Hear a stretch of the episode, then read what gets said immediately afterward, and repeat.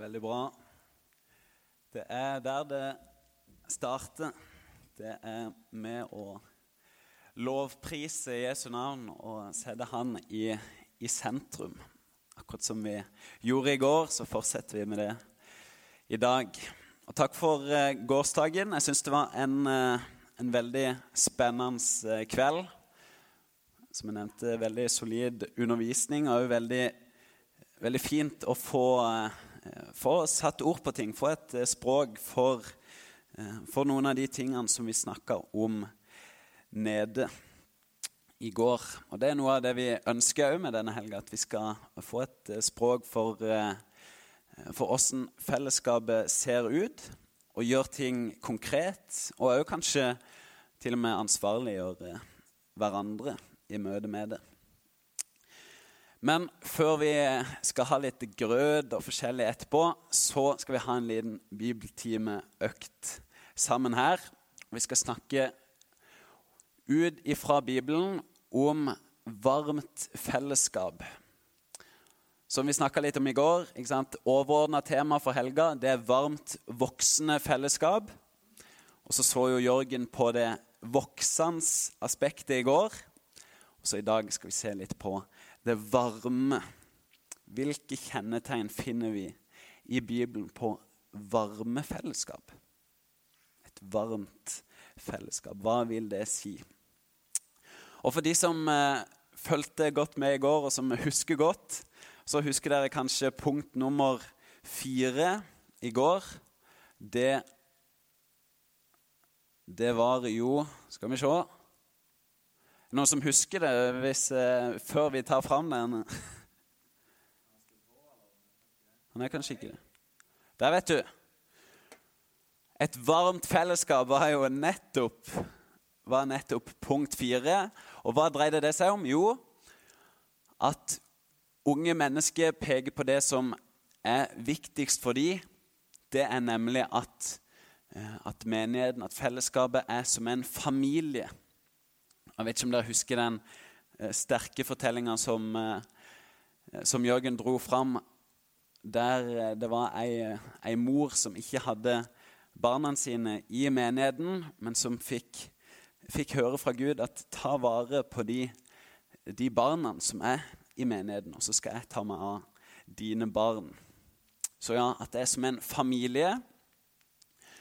Og at kirker som vokser seg unge, har ofte mindre program. Det er gode relasjoner som skal være i sentrum. Apropos varmt fellesskap, gode relasjoner. Man kan leie det å være kul, man kan ikke forfalske varme. Og også det andre siste punktet der er jo veldig viktig at man kan oppleve at man bare kan være seg sjøl. Så ekte og varme relasjoner, det var det vi hørte om i går inn mot eh, varmt fellesskap. Og det er jo utrolig viktige poeng som jeg tror at mennesker i dag, ikke bare vi her inne, men òg mennesker der ute, på mange måter lengter etter. Samfunnet vårt det skriker jo egentlig etter ekte relasjoner. Mennesker som tør å ta av seg masker.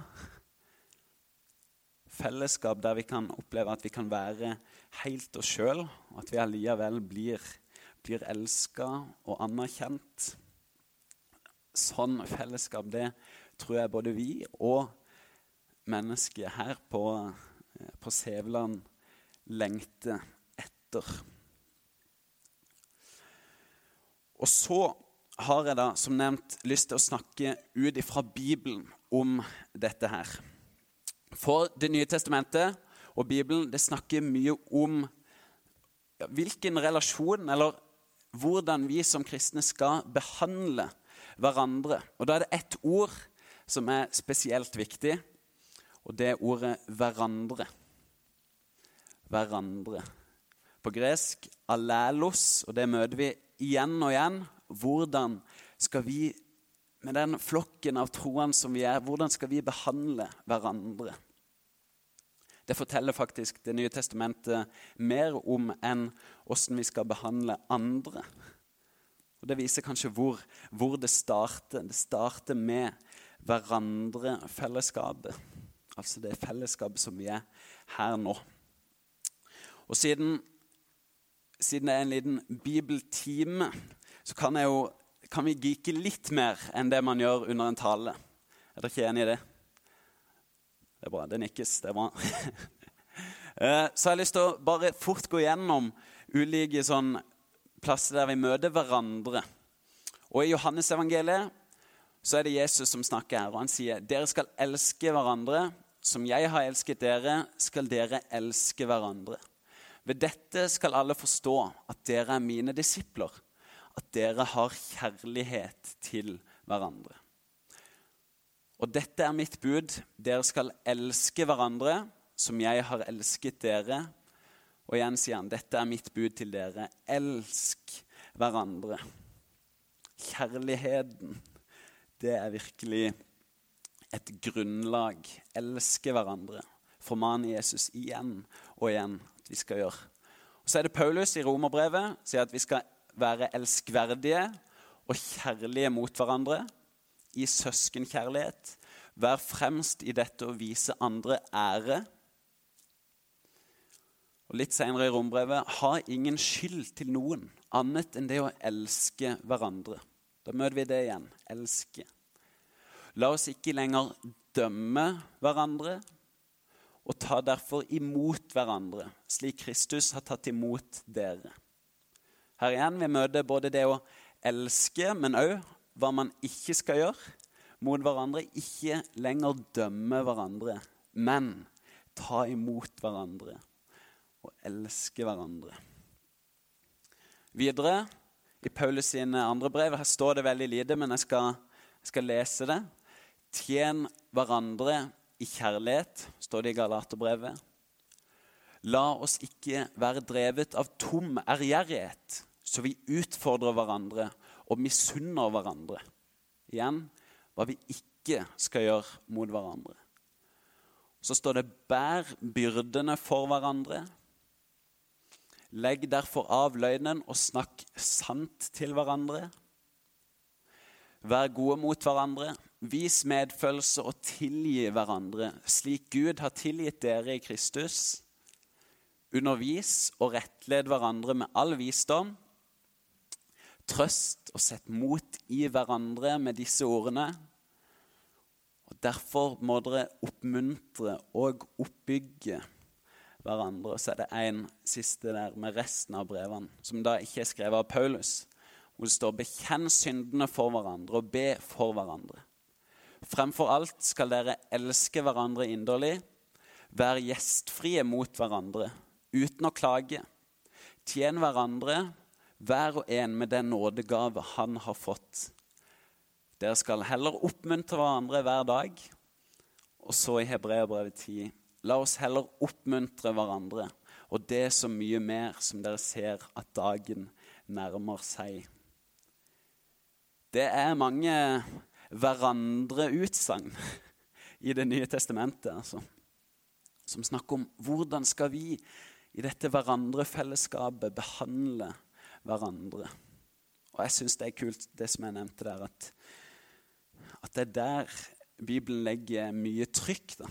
At det starter med hvordan vi som kristne skal elske hverandre og behandle hverandre. Hm. Og så har jeg lyst til at vi skal Vi skal ikke gå inn på alle disse versene, men jeg har lyst til at vi skal se på ett vers. Og de som har med seg Bibelen, kan slå opp i eh, Romerbrevet, kapittel 12, og vers 10. Det var et av de versene som er her løfta fram i stad. Og Der skriver altså Paulus om hvordan vi i det hverandrefellesskapet skal behandle hverandre. Der skriver han.: Vær elskverdige og kjærlige mot hverandre i søskenkjærlighet. Vær fremst i dette og vise de andre ære. Og her òg, når det står 'de andre' på slutten, så er det òg brukt alelos. Du kunne like godt oversatt til hverandre. Vær fremst i dette og vise hverandre ære.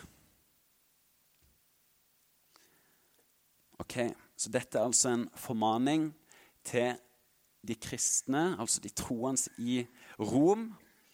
Og jeg tror det er en formaning til oss kristne søsken i dag. For vi er ufullkomne mennesker.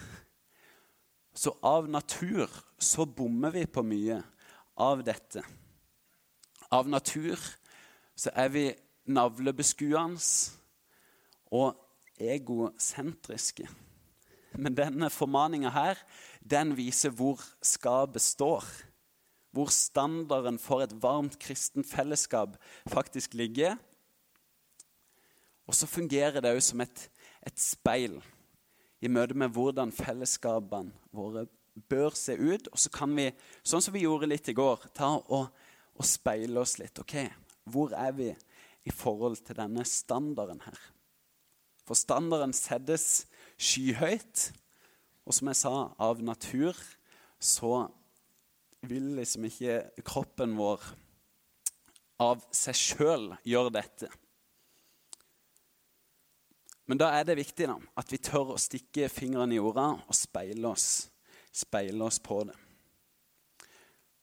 Så Paulus formaner altså vær elskverdige og kjærlige mot hverandre.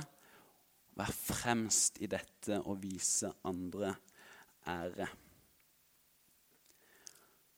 Da vil jeg at vi skal se litt først på første del av verset her det at man skal være elskverdige og kjærlige mot hverandre i søskenkjærlighet.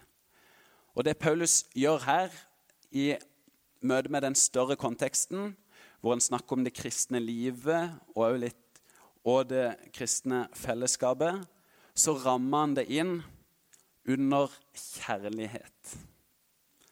Akkurat det samme i 1. Korinterbrev 13.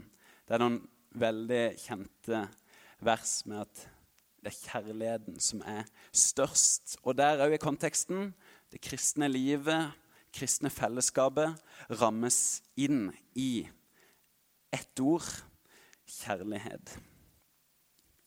Så er det så tydelig da at dette hverandre-fellesskapet og kjærligheten det går hånd i hånd.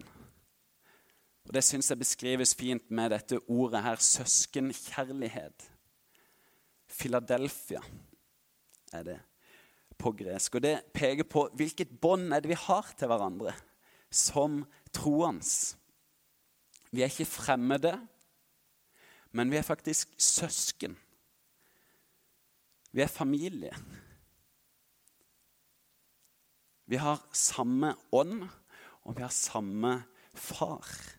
Vi er søsken. Og I forberedelsene til til dette, så ble det litt sånn øyeåpner for meg. Ok, Ser jeg på alle i mitt fellesskap i Oslo som søsken, som familie? Eller er de fremmede?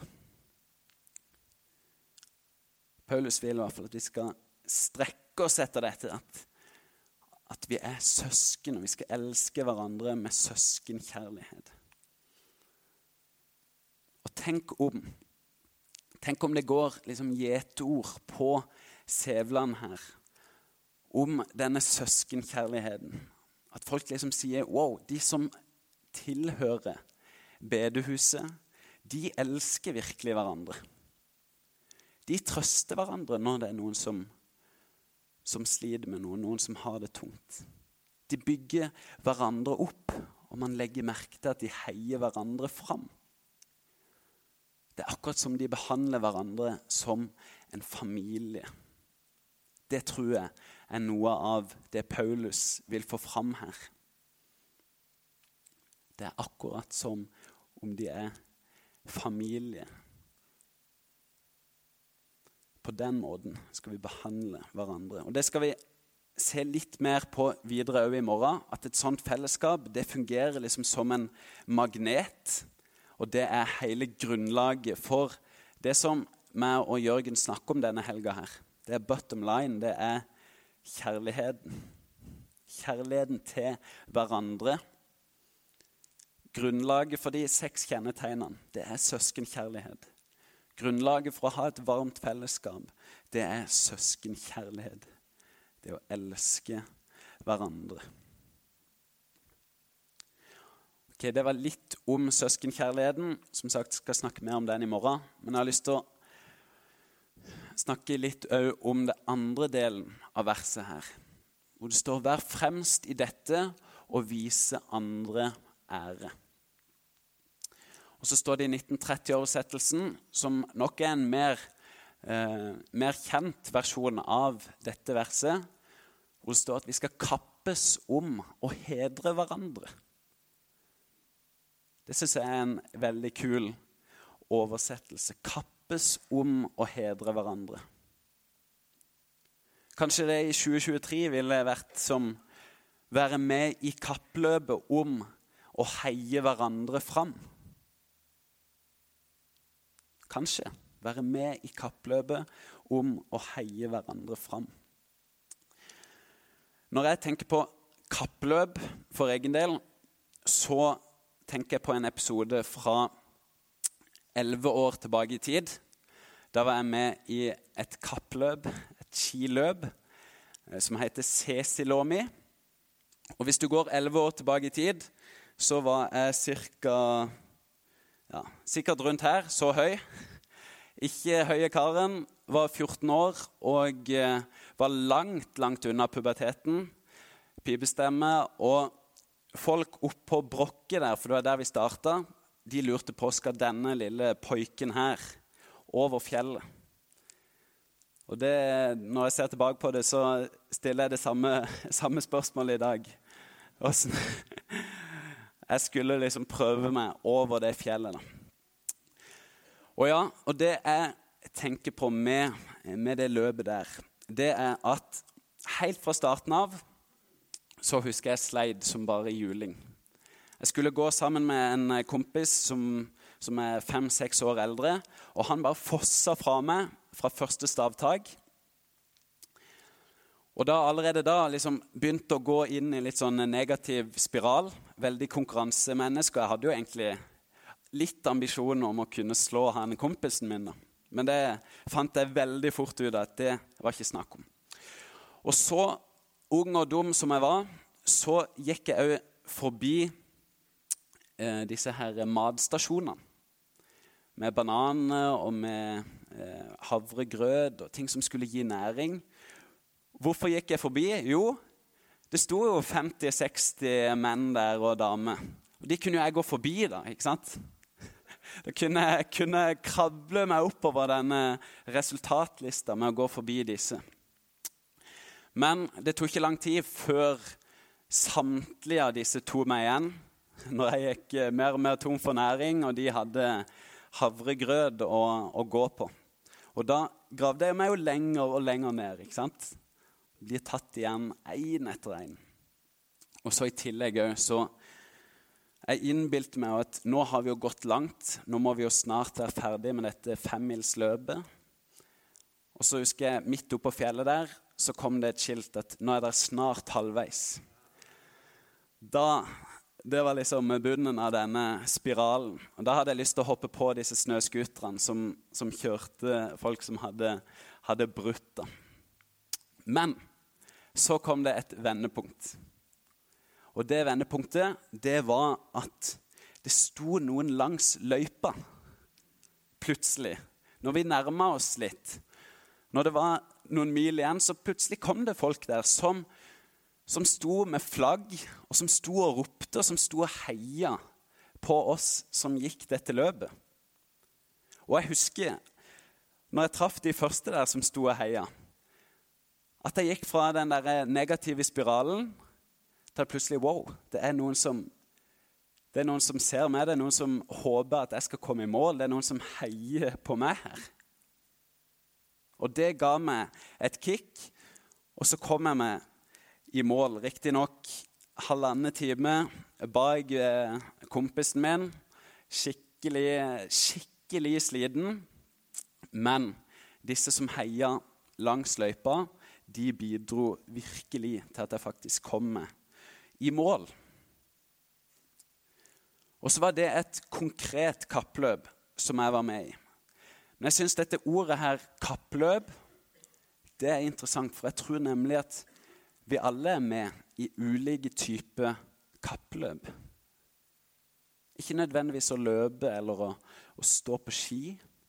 Men jeg tror det er mange kappløp der startskuddet går, og at vi blir med uten at vi er bevisst på det. Og Der har valgene våre en stor betydning.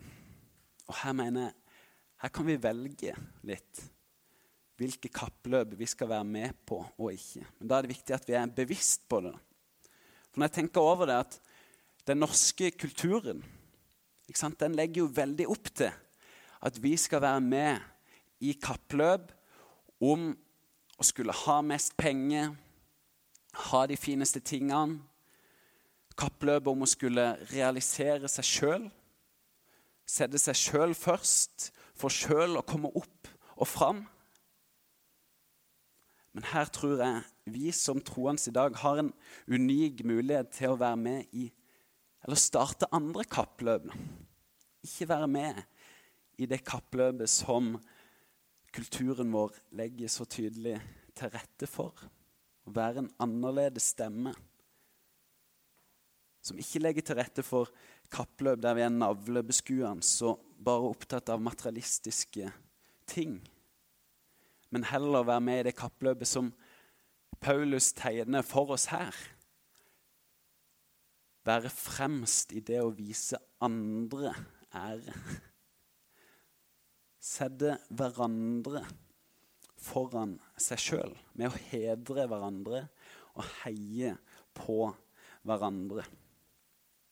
Og Her syns jeg Asbjørn Kvalbein, som eh, dere har hatt besøk av flere ganger her, har jeg forstått, har skrevet noe veldig bra om dette.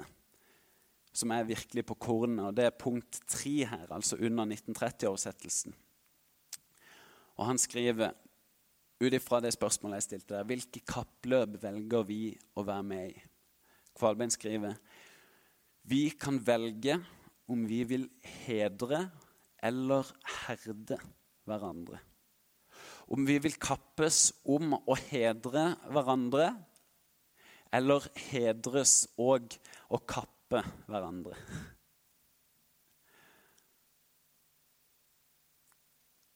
Velge hvilke kappløp av disse vi har lyst til å være med i. Kappløpet om å hedre hverandre, eller det motsatte, kanskje å herde hverandre. Vi kan velge hvilke kappløp vi vil delta i. Og så er vi, som jeg sa, vi er borgere av kongeriket Norge. Men som kristne søsken så er vi òg borgere av et annerledes rike. Og gjennom det så blir på en måte grunnlaget lagt for at vi kan være med i annerledes kappløp enn denne verdens kappløp.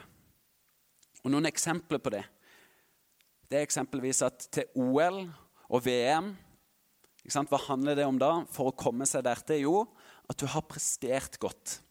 Du har gått på gitte tider, og du har vært så, så dyktig. Men i Guds rike så handler det ikke om at vi sjøl skal løpe oss fram og kvalifisere oss til det. Men vi skal omvende oss og bli som barn, står det jo. Og det er bare den som er sjøl liten, som trenger en stor frelser.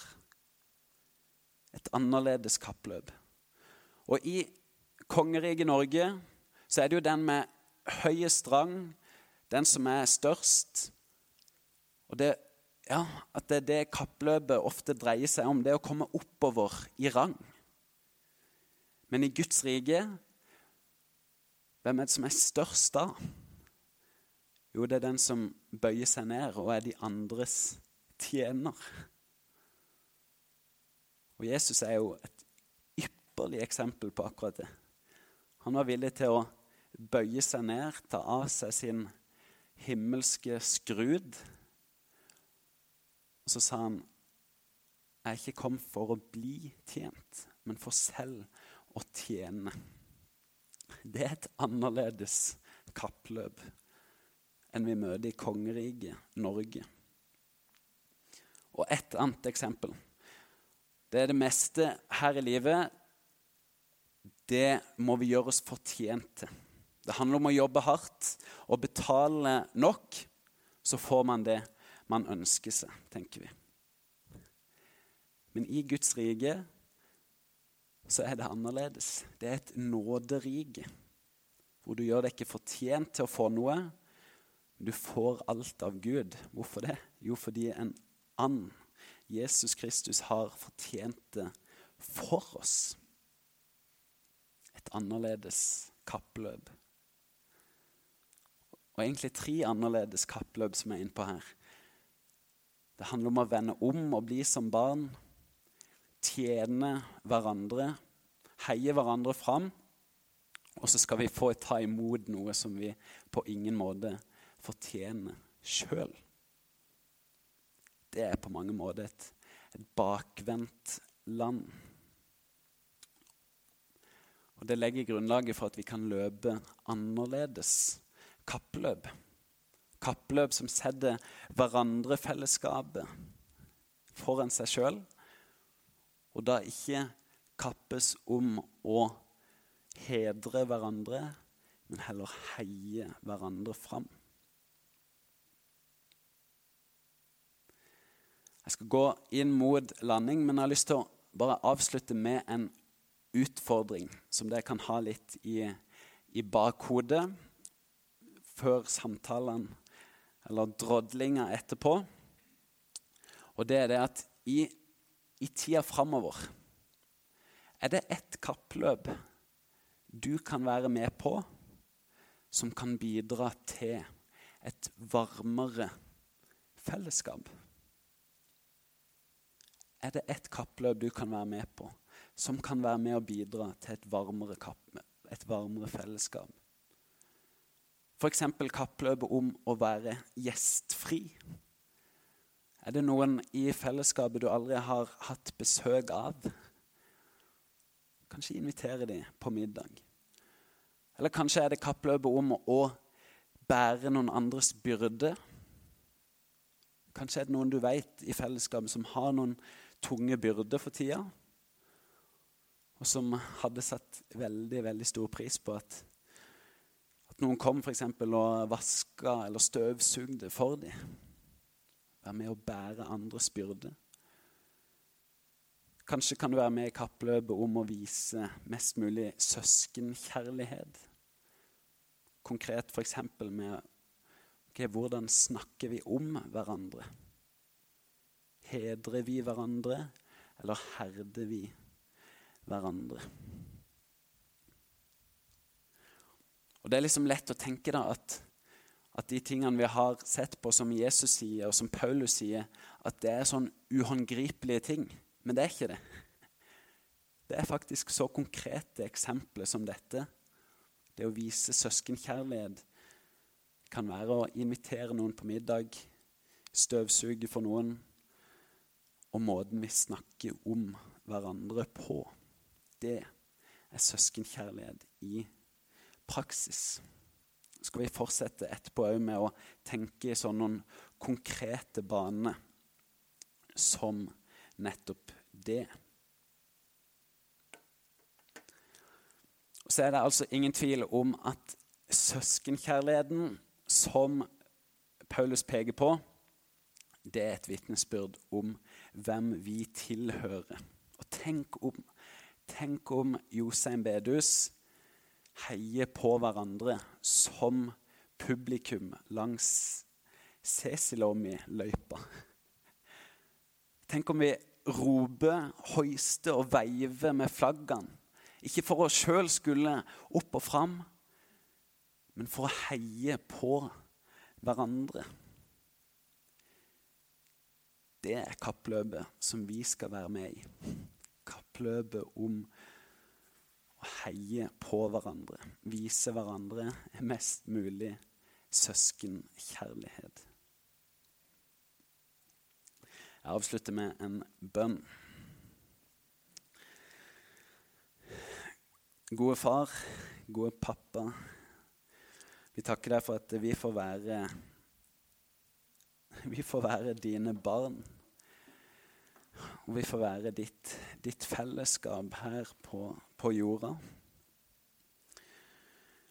Og så ber vi om at det som vi nå har eh, hørt litt om, det som vi har sett på, dette med søskenkjærlighet, det med å heie hverandre fram Jeg ber om at, at du skal fortsette å bare skape i oss, Herre.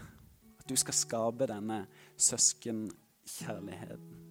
Den skal få vokse. Du ser at det kommer ikke naturlig for oss. Vi er helt avhengig av at, at, det er du som skaper det, at vi setter deg i sentrum. Og så vil det komme som en frukt av det. Søskenkjærligheten vil komme som en frukt av at vi opphøyer det og setter deg i sentrum. I Jesu navn.